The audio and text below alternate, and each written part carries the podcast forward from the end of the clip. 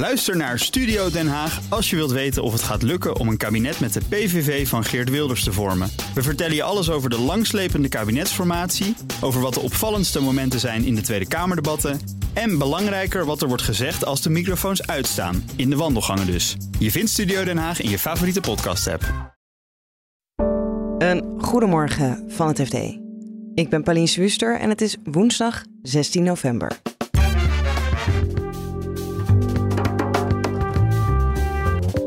De Duitse nationalisatie van een Gazprom-dochter is goed nieuws voor sommige Nederlandse gemeenten. Ja, het is geweldig nieuws voor, uh, voor de Nederlandse afnemers. Want de Duitse belastingbetaler die springt hier dus in. Die vangt eigenlijk die klappen op. Maar er zijn ook veel scholen die al gelijk braaf hun contract hadden opgezegd. En dat betekende dat die partijen dus uh, ergens anders een contract moesten afsluiten in een tijd dat het heel duur was.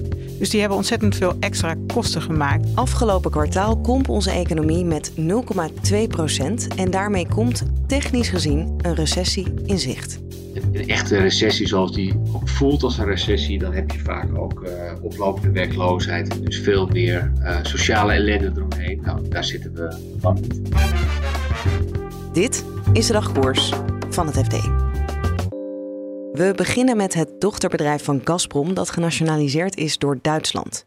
Daarmee is het nu niet meer Russisch en valt energie afnemen van het bedrijf niet meer onder de sancties. Je hoort onze Duitsland-correspondent Gerben van der Marel. Eerst uh, twee maanden geleden is uh, Uniper overgenomen. Dat was uh, het grote private gasbedrijf dat voor, vooral voor de Duitse markt, maar ook wel voor de Nederlandse markt, gas inkocht um, en doorverkocht aan bijvoorbeeld gemeenten en andere instellingen. en deze keer wordt de dochter van Gazprom in Duitsland overgenomen. De eigenlijke aandeelhouder is ook Gazprom, dus het is feitelijk een onteigening. Uh, en um, dat bedrijf uh, dat was al onder curatele gesteld. En nu is het idee dat, uh, dat in staatshanden, hè, door die Russen er eigenlijk uit te gooien, ja, dat bedrijf overeind gehouden kan worden, een faillissement wordt voorkomen en op die manier ook die, die eindklanten bediend kunnen worden en eigenlijk de verzorgingszekerheid wordt, wordt gegarandeerd. En is daar al een prijskaartje op geplakt?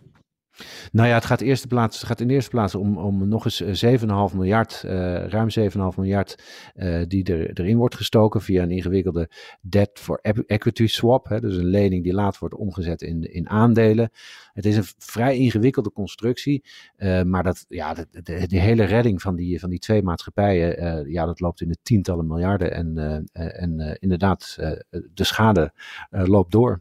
Maar onze Rob mag opgelucht zijn, want dat lost weer een probleem voor ons op. Ja, het is geweldig nieuws voor, uh, voor, de Nederlandse afnemers. Want de Duitse belastingbetaler die springt hier dus in. Die vangt eigenlijk die klappen op uh, in een soort buffer. Uh, die is aangelegd door, door de Duitse staat. Hè, met, met natuurlijk belastinggeld.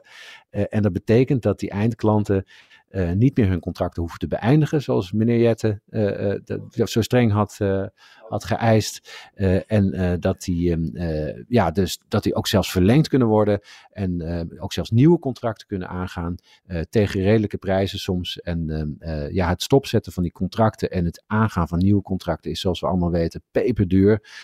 ja, en dat wordt dus voorkomen. Ja, en dat mag dus nu allemaal weer omdat het officieel Duits is geworden en niet meer Russisch is.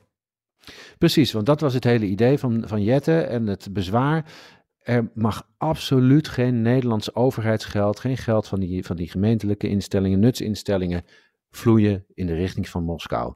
En dat was zijn grote zorg. En dat is inderdaad met deze overname door de Duitse staat uh, voorkomen.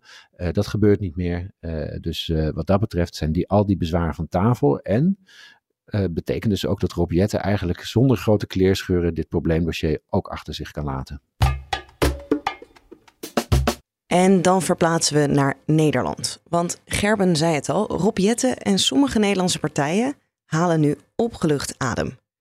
Maar het is minder goed nieuws voor partijen als scholen die hun contract al netjes hadden opgezegd. Daar komt wel compensatie voor, schreef Jette gisteren in een Kamerbrief. Wat die compensatie in gaat houden, hoor je zo van onze onderwijsredacteur Ardy Vleugels. Maar eerst vertelt ze waarom die instellingen hun contract gelijk hadden opgezegd. Nou, ze hebben die verbroken vanwege de sancties. Hè. Er is toen gezegd, uh, we doen geen zaken meer met Russische bedrijven. Gazprom is een Russisch bedrijf, dus dat contract moet op de schop. En dat betekende dat die partijen dus ergens anders een contract moesten afsluiten in een tijd dat het heel duur was. Dus die hebben ontzettend veel extra kosten gemaakt. Ik sprak bijvoorbeeld de school en die zei: Ja, ik ben twaalf keer duurder uit voor mijn energie. En dat kan ik niet zomaar opvangen. Nee, en nu worden ze eigenlijk, ja, is hun goed gedrag wordt niet beloond. Nee, goed gedrag wordt niet beloond. Zo kun je het zeker zeggen. Ja. Dus zij, zij vragen ook al een tijdje om compensatie. En hebben we een idee hoeveel uh, dit de instellingen bij elkaar heeft gekost? Nee, we hebben geen idee wat het bij elkaar heeft gekost. Het is wel zo dat de gemeenten hebben gezegd: ja, wij zijn zeker tientallen miljoenen euro's kwijt. En die scholenkoepels die hebben dus ook al wel wat indicaties gegeven. Die zeggen, ik ben 800% meer kwijt. Ik ben 12 keer zoveel kwijt. Hè. Dat soort bedragen hoor je allemaal wel. Dus dat is veel geld. Uh, en ze zeggen ook, we kunnen dat niet zomaar opvangen. Dus we hebben daar echt wel hulp voor nodig. Nou, en die hulp die komt er nu dus ook. Hè. Jette zegt, de minister zegt in zijn brief, wij gaan dat compenseren. En dat uh, proberen we om medio volgend jaar in een mooie regeling te hebben. Maar ja, dat is dus nog wel even wachten. Ja, want jij hebt wat eh, partijen gesproken gisteren over die brief. Wat is hun indruk ervan? Zijn ze blij dat er nu, nou ja, waar ze voor hebben gelobbyd ook komt? Ja, de eerste reactie was fijn dat die compensatie er is en die is ook echt broodnodig. Maar de tweede reactie was, ja, er staan ook nog wel een hoop vragen open. Zo zegt de minister, we gaan voor de periode tot december een compensatieregeling maken. Maar voor de periode daarna, dus voor de partijen die ook na 1 januari nog een contract zouden hebben met Gazprom en het hebben opgezegd, ja, daarover gaan we nog verder in gesprek. Dus het is onduidelijk wat er voor hen gaat komen. En het is onduidelijk hoe hoog die bedragen zijn. Krijg je echt alles vergoed of een beetje? Nou, dat is ook niet helder. En stel dat je nu um, eigenlijk al je contract aan het opzeggen was, wat gebeurt er dan? Ja, er is ook nog een deel van de bedrijven die nu, uh, as we speak, midden in het ontbinden van hun contract met Gazprom zitten. Nou, voor hen is het natuurlijk helemaal ingewikkeld, want die hebben netjes de sancties gevolgd. Maar nu valt ineens de juridische basis weg, hè, op basis waarvan ze dat konden doen. Dus de gemeenten zeggen bijvoorbeeld ook van ja, overheid, help ons met juridische steun. Want wij weten ook niet zo goed wat dat dan voor hen betekent. Dus daar ligt ook nog heel veel vraag en heel veel vraag om antwoorden van het ministerie. Ja, en hebben we een idee wanneer die antwoorden komen? Nee, dat hebben we niet. Dus de minister is nu alleen duidelijk over de termijn. Die zegt medio volgend jaar wil ik een compensatieregeling hebben voor dat, die eerste periode tot december. Uh, voor daarna weet ik het nog niet. En hij zegt daarnaast, ik ga heel erg in gesprek met iedereen en kijken wat er dan nodig is en wat nou een reële compensatie ook is. En is er iets wat die partijen al tegen jou hebben gezegd wat ze sowieso willen? Nou, ze willen sowieso natuurlijk een deel van hun kosten terug en het liefst zoveel mogelijk. Dus dat is wel helder. Ja, en ze willen vooral ook dat er gewoon snel helderheid komt over hoe het verder gaat. Want ja, voor iedereen is het een hele vervelende situatie. En dan gaan we naar de kleine krimp van onze economie in het derde kwartaal, 0,2 procent. En met die krimp balanceren we op de rand van een recessie. Ik vroeg onze macro-economie-redacteur Marijn Jongsma of we ons al zorgen moeten maken. Nou, zorg is een groot woord, maar het is natuurlijk wel een omslagpunt. Komt misschien ietsje eerder dan, dan verwacht. Maar grote zorgen, dat lijkt me weer iets, iets te veel uh, gezegd. Want wat zei uh, Peter Heijn van Mulligen daarover, hoofdeconoom van CBS? Ja, die uh, is daar redelijk gematigd over. Hij zegt, dit wijst meer op een stagnatie dan een zware recessie. Er zijn alleen heel veel onzekerheden, waardoor je heel moeilijk kunt aangeven welke kant het op gaat. Uh, kijk, nu, nu, dalen de, de energieprijzen weer een beetje. Dus dat zijn allemaal uh, positieve factoren. Maar goed, er is ook veel onzekerheid, zou je kunnen zeggen. Dat heeft te maken met al die wilde prijsschommelingen.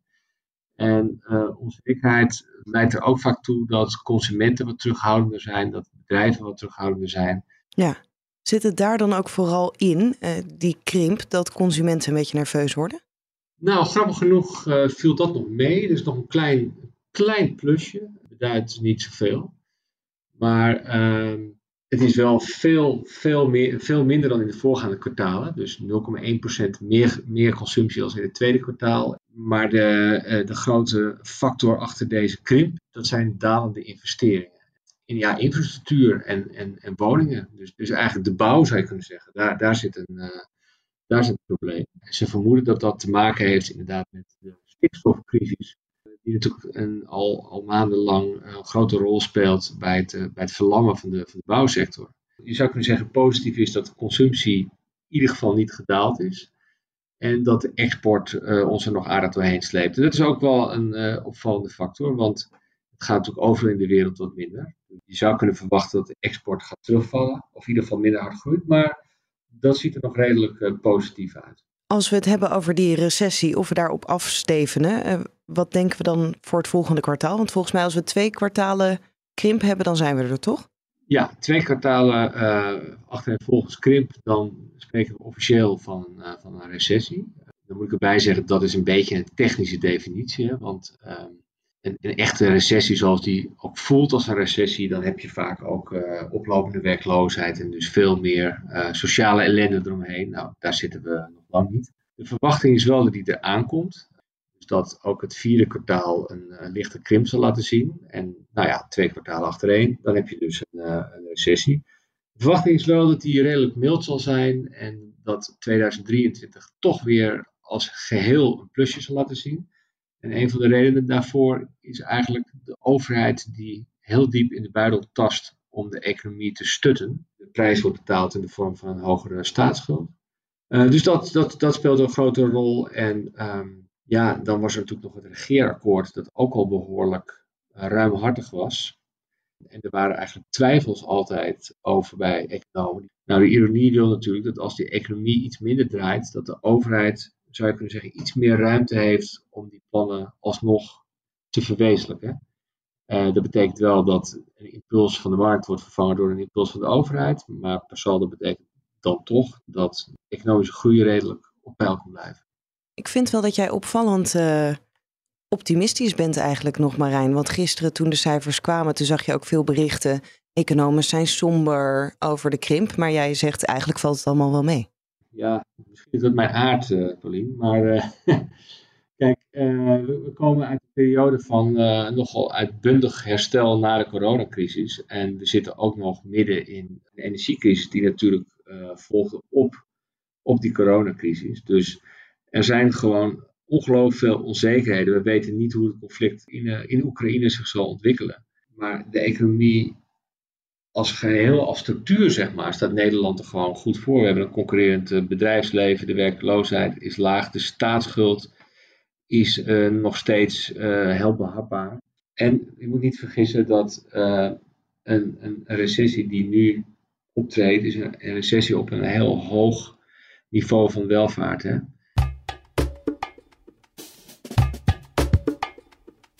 En dan hoor je tot slot nog een verslag van de dag die onze klimaatverslaggever Orla McDonald gisteren had op de klimaattop in Egypte. Vanochtend kwam ik hier binnen in Sharm el-Sheikh, terwijl er een klein protest gaande was van Afrikaanse landen die de EU opriepen om geen nieuwe aardgasvelden in Afrika aan te boren. Don't gas Africa, riepen zij. De landen zijn bang dat nu Europa nog altijd op de rand van een energiecrisis verkeert, grote Europese bedrijven in nieuwe gasvelden op het continent investeren. Deze groep klimaatactivisten ziet liever dat deze bedrijven investeren in hernieuwbare energie, zoals grote zonneparken. De EU wordt verweten dat het vanwege de energiecrisis terugkomt op zijn klimaatbelofte. Net als maandag moest Eurocommissaris Frans Timmermans ook dinsdag vaak herhalen dat de EU nog altijd ambitieus is wat betreft het klimaat. De EU heeft vandaag ook hier gezegd dat het zijn klimaatdoel verhoogt van 55% minder CO2 naar 57% minder CO2 in 2030. Dat klinkt wat lullig en het stelt ook eigenlijk niet zo heel veel voor. Het heeft vooral te maken met de nieuwe rekenmethode. Dan tot slot, dinsdag is de kerstverse president van Brazilië, Lula da Silva, aangekomen in Egypte. Hij zal dinsdagavond hier zijn toespraak houden, waarin hij waarschijnlijk zal zeggen dat Brazilië terug is op het klimaatgebied. De vorige president Bolsonaro was eigenlijk alles behalve klimaatvriendelijk. En Brazilië is een grote uitstoter in de wereld en bovendien ligt het kwetsbare regenwoud de Amazone in het land.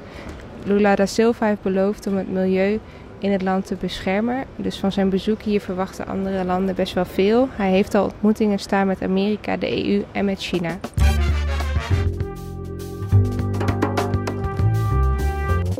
Dit was de dagkoers van het FD.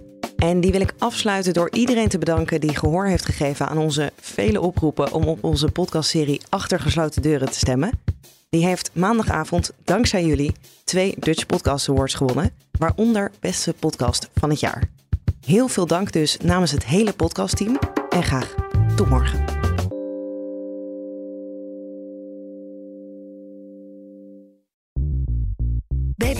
Ben je altijd als eerste op de hoogte van het laatste nieuws. Luister dagelijks live via internet. Bas van Werven. En heel langzaam komt de zon op rond dit tijdstip. Je krijgt inzicht in de dag die komt op BNR, het Binnenhof in Nederland en de rest van de wereld. De Ochtendspits. Voor de beste start van je werkdag. Blijf scherp en mis niets.